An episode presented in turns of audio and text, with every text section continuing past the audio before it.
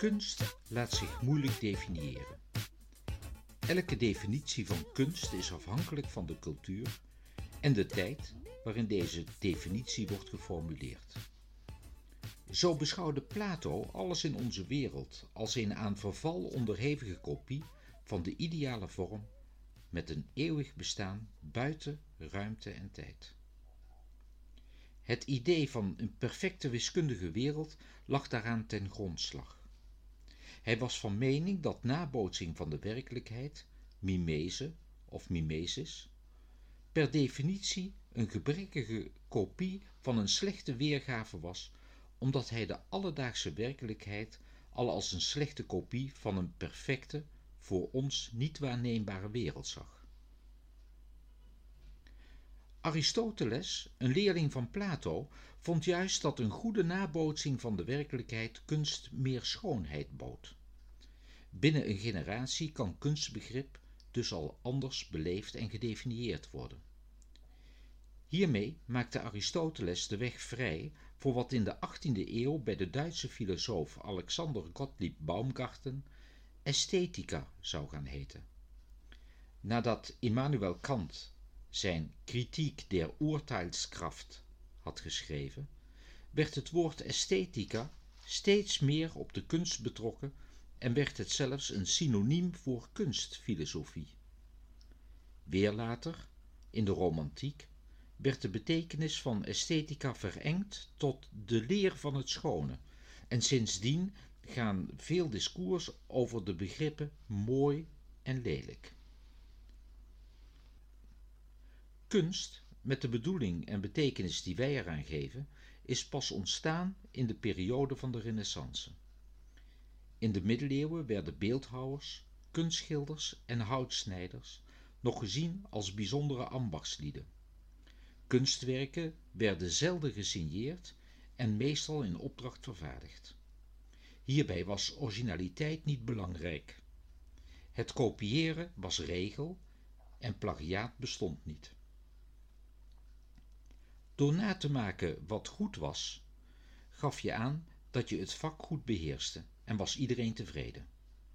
In dit kader geeft het boek Sociale geschiedenis van de kunst door Arnold Hauser een goed overzicht welke sociale functie kunst door de eeuwen heen heeft gehad.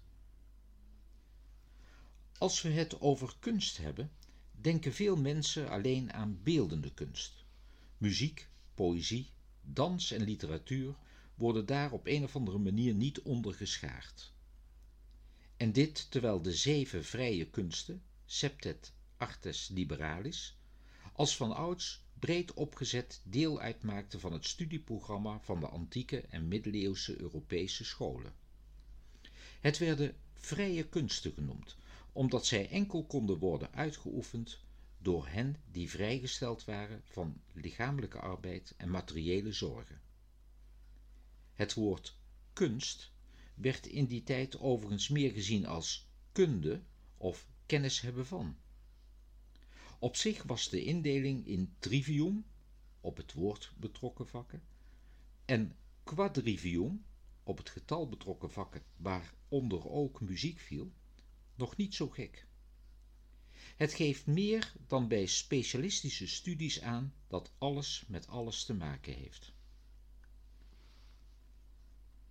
Kunst wordt nog steeds gezien als een afspiegeling van of reactie op het ons omringende leven.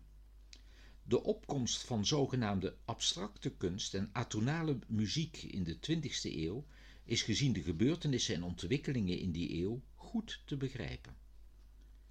Door de verschrikkingen van de Eerste Wereldoorlog gingen mensen op zoek naar nieuwe normen en waarden. Die van de oude wereldorde voldeden duidelijk niet meer en hadden tot de verschrikkelijke wereldoorlog geleid. Nieuwe kunststromingen ontstonden en traditie en volgzaamheid waren niet meer de voornaamste vereisten die nagestreefd werden. Dat is door sommige gevoelige kunstenaars aan het einde van de 19e eeuw al voorvoeld maar pas na de Eerste Wereldoorlog kregen die vernieuwende krachten echt vrij spel.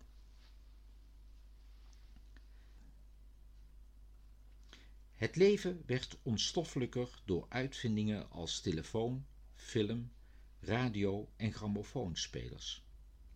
De geluiden die wij horen en de handelingen die wij zien zijn niet meer gekoppeld aan de aanwezigheid van mensen. Er is sprake van een zekere abstractie. Films die wij zien, stemmen die we horen zijn losgekoppeld van tijd en ruimte. En in die zin zijn we terechtgekomen bij Plato, die de ideale vorm als eeuwig, onveranderlijk en losgekoppeld van tijd en ruimte zag. We zijn omgeven met onstoffelijkheid. We bevinden ons steeds meer in een abstraherende omgeving waarin we de geestelijke kern van de lijfelijkheid ontdoen. In onze wereld richten we ons leven steeds meer op kernen. Als we muziek streamen, beluisteren we de stem van de zanger. We ontdoen hem van alle eigenschappen die er op dat moment niet toe doen. Nu Prins dood is, kunnen we zijn stem toch nog horen. Een vreemd idee eigenlijk. De essentie van de zanger is zijn stem. Al het andere laten we op dat moment van het streamen buiten beschouwen. We abstraheren. Het lijkt er dus niet meer toe te doen of iemand leeft of dood is. We trekken het er eenvoudigweg vanaf, wat ook de letterlijke vertaling van het Latijnse woord abstractus is. Toch is voor mij de ontmoeting met de totale mens wezenlijk. En geniet ik meer van een live optreden dan van welke perfecte registratie ook. Ik vraag me af of dat niet voor de meeste mensen geldt.